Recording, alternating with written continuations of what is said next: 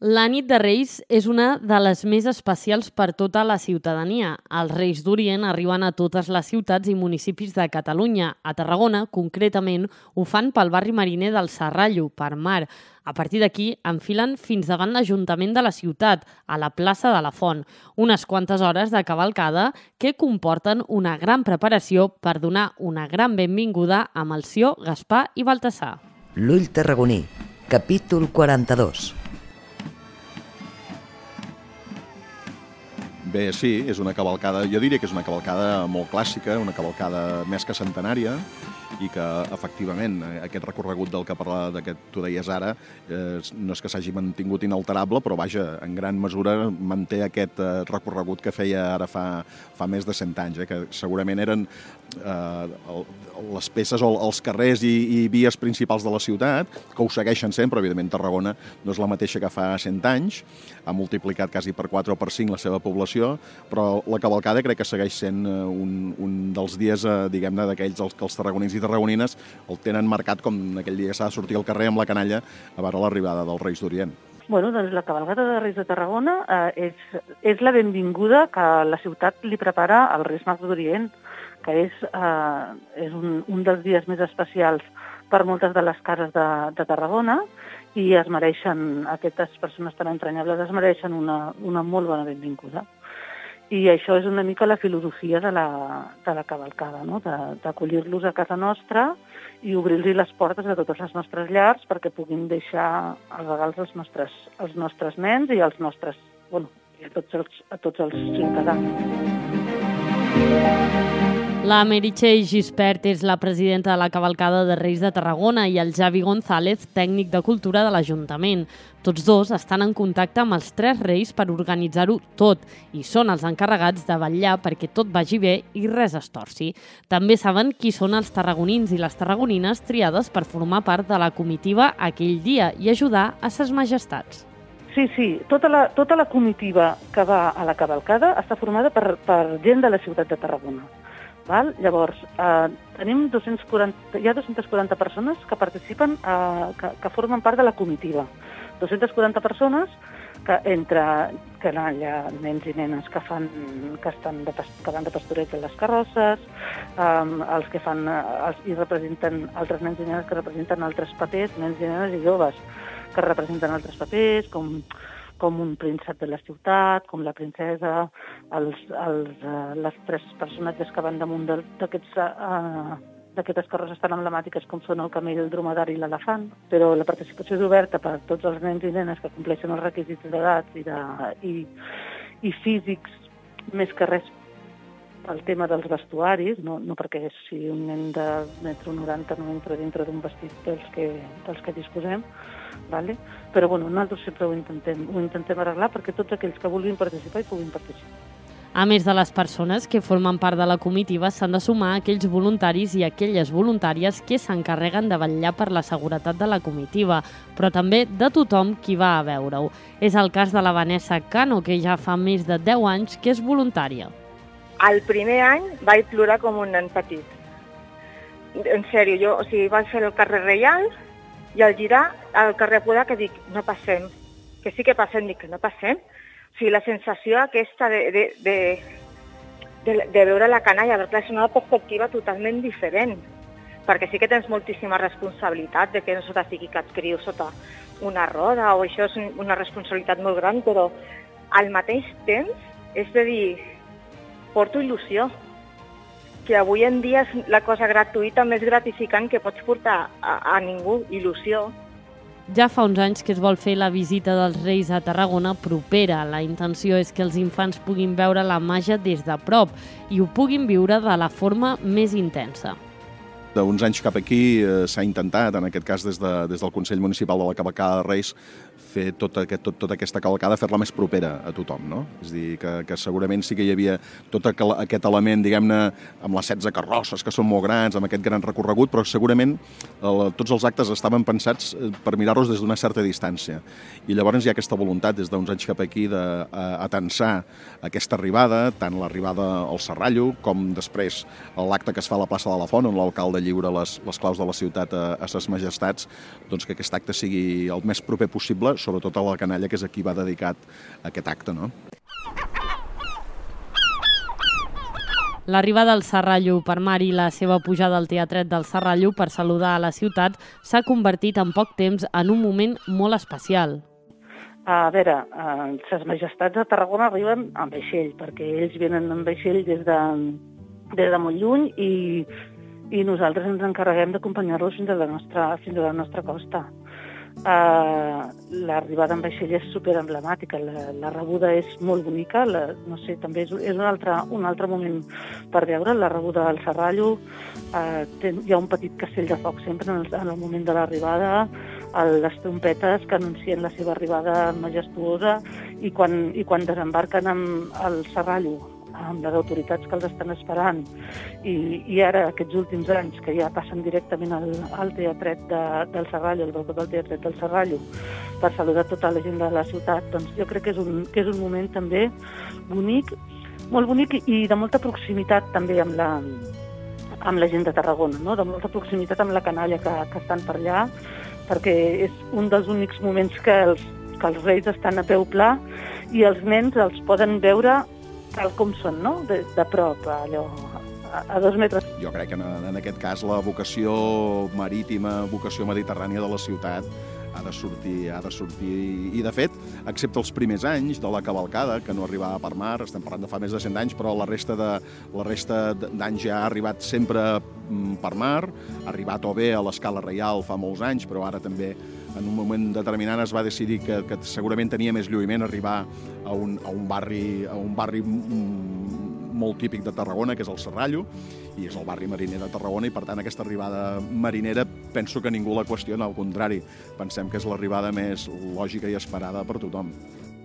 Però potser no tiraria quan arriben, quan arriben al Serrallo per mar aquell moment de que veus que n'acaba d'arribar el, el vaixell a mar i que tu ja els vols tocar i que els veus, però no, jo crec que aquell moment és el, el més màgic. Potser també perquè ho he viscut des de dintre i i sé el que és, però aquell moment que arriba, que estàs veient, que, ai, que no acaben d'arribar a terra, i quan acaben d'arribar a terra hem de baixar, i saps, aquell moment de, de quan acaben de baixar del vaixell, jo crec que és el moment més màgic de tots. Un altre dels moments especials de Tarragona és quan Malció, Gaspar i Baltasar arriben a l'Ajuntament de la ciutat i se'ls dona les claus que obren totes les portes i els balcons de les cases. Segurament no és la zona més massificada, però sí una de les més estimades.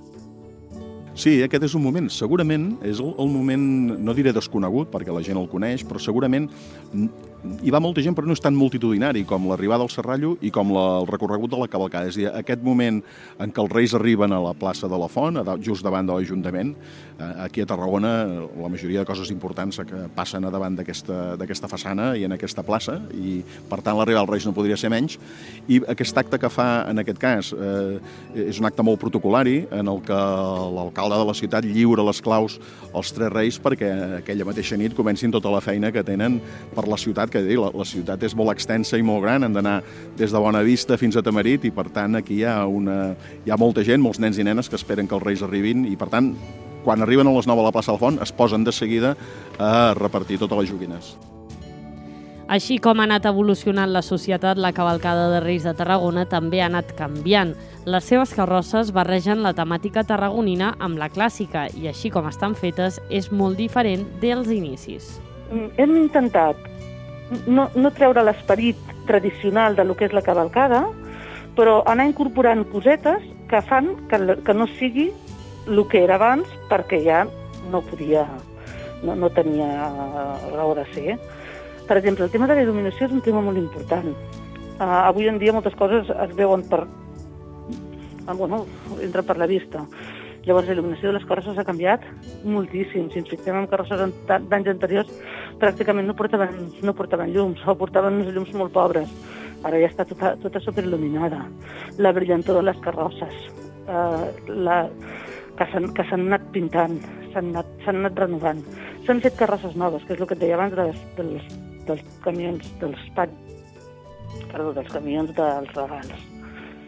Després, um, el tema de l'atracció, els tractors, que hem passat de anys enrere havíem començat a anar amb, amb cavalls, bueno, amb animals, que es tiraven les carrosses, després eh, van passar a ser camions o, o furgonetes o autobusos desmantellats que s'havien reconvertit. S'han mantingut les plataformes que portaven al darrere i s'han motoritzat amb tractors i amb remolcs ja molt més moderns. Suposo que tot també anirà evolucionant a mesura que passi el temps i que surtin coses noves. Uh, bé, és, és, és un canvi que nosaltres ara l'estem intentem que sigui constant, i havia arribat un moment, sobretot a, a primers del segle XXI, en què la cavalcada sí que havia acabat eh, patint, eh, doncs, eh, diguem que havia quedat una mica antiquada, sobretot perquè fa els temes de seguretat. Per exemple, un exemple clar és que des de fa uns 10-12 anys són tractors els que tiben les, les carrosses, es van, es van adquirir unes carrosses especials, homologades, modernes, amb tots els requeriments tècnics que, que ara mateix eh, han de prevaldre amb una, amb una activitat a, a l'espai públic com aquesta. I per tant, diguem que no, no, no parem mai d'intentar que aquesta cavalcada dongui resposta al que són les necessitats, de, en aquest cas, de l'any 2021 o 2022. No? Per tant, no deixem de treballar. Tècnicament, també molts departaments de la casa de l'Ajuntament i estan, i estan abocats i estan implicats, des de la Brigada Municipal, la Guàrdia Urbana, el Departament de Cultura, el Departament de Protocol, i per tant intentem que ni més ni menys tingui la, la mateixa dedicació i modernització que tenen la resta de grans esdeveniments de la ciutat. Tot i l'evolució i la modernització adaptant-se als nous temps, hi ha coses que es mantenen, com és la participació de tots els voluntaris i voluntàries de protecció civil. Així ho explica Lluís Magraner, cap de voluntaris de protecció civil. Bé, això és, una, és una, un servei que venim realitzant durant fa més de 25 anys. És un servei que no costa gaire demanar al voluntari a veure si pot vindre a fer aquest servei, ja que quasi sempre són els mateixos, s'acoplen amb voluntaris nous i continuen, diguéssim, amb aquest tema. Eh, no em fa falta, ja t'ho dic, eh, demanar servei perquè és, és un goig per nosaltres ajudar a la gent, ajudar que si es reparteixen els caramels pues, que no s'afiquin sota les rodes. Eh, com a voluntaris hem contribuït a la seguretat perquè ara porten faldons rígids les carrosses, que abans no en portaven. Eh, també hem ajudat a, a millorar la seguretat amb el tema de, de les carrosses, que són ja plataformes que amb, el seu, amb la seva època ja es van canviar, vull dir que anem millorant amb aquest tema. Això és el que fem els voluntaris. A veure, eh, de, l'itinerari és el mateix. L'arribada és diferent, és el serrallo, és més maca, més, més, eh, la gent li agrada més. En tema de seguretat ha canviat molt perquè la gent és més conscient, eh, el voluntariat, tant nostre com el voluntariat de cultura, també estan per el que han d'estar, a la feina, i en principi hi ha una molt bona coordinació amb policia local, la Guàrdia Urbana, Creu Roja, que també participa en una, en una dotació d'una ambulància, i amb el, amb el tema de, dels girs, amb el tema de tanques, s'ha millorat molt, però abans hi havia menys tanques, ara n'hi ha més tanques per delimitar el gir de les carrosses, perquè tenen el seu límit, no?, de, de, de lo llargues que són, i la gent és comprensiva amb aquest tema. Eh? Vull dir, i nosaltres no tenim mai, mai cap problema amb ningú. Els Reis Mags trien cada any uns 15 voluntaris de protecció civil per vetllar per la seguretat, dues motocicletes que van davant obrint pas i una ambulància de suport vital. Eh, en, en principi, el que fem nosaltres és a les carrosses reals fiquem un parell de voluntaris davant del tractor que arrastra la carrossa, perquè no se fiqui la canalla davant, ni, ni la gent gran, que també n'hi ha, i a continuació també el que fem és estar als girs més difícils de, de, de la cavalcada. Jo en principi eh, eh, porto walkie-talkie, o sigui, estic una mica de responsable, podríem dir, i en connexió directa tant amb l'Ajuntament com amb Protecció Civil. Normalment sempre porto carrosses de crius perquè m'agraden molt i llavors hi ha dues funcions. La funció de que els crios que tu portes estiguin bé, que ningú es maregi, que no se fiquin de peu, que no corrin perills, i al mateix temps que el públic no es fiqui sota una carrossa amb, amb aquesta ànsia d'agafar caramels.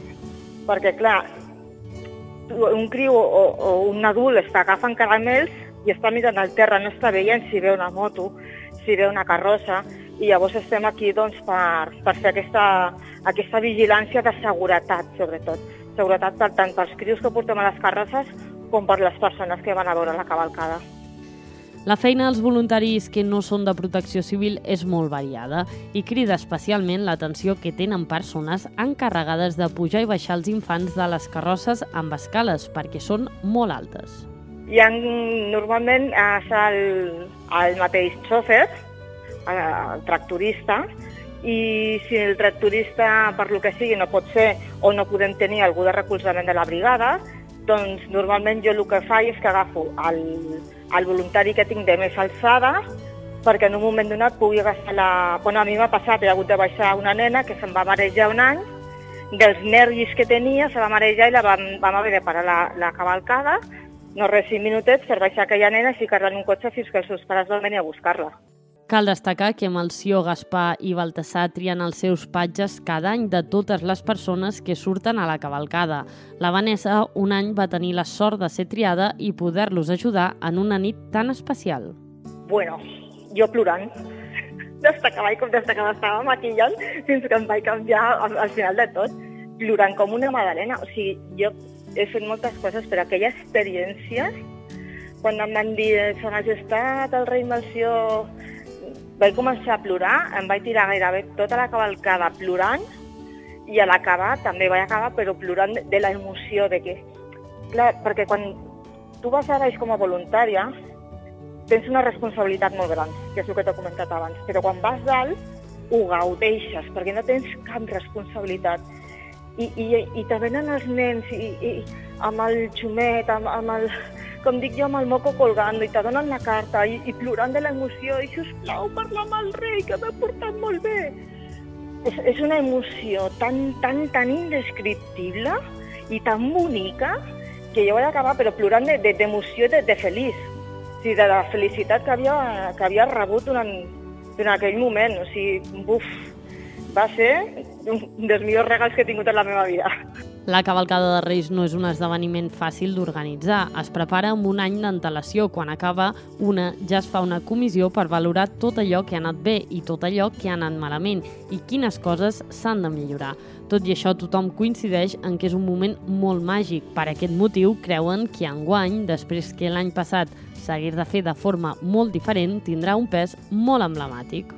Bueno, doncs anem incorporant anem incorporant elements moderns diferents, vale? a fi d'efecte de, de, d'estar al dia i de, també de captar una mica l'atenció la, de la gent, no? de que no diguin, hosti, que això cada any és el mateix. Que no deixa de ser el mateix, però té aquell, té aquell punt no? que cada any es pugui dir alguna cosa, que, que aquest any te dona per dir alguna coseta nova. Buah, amb una il·lusió.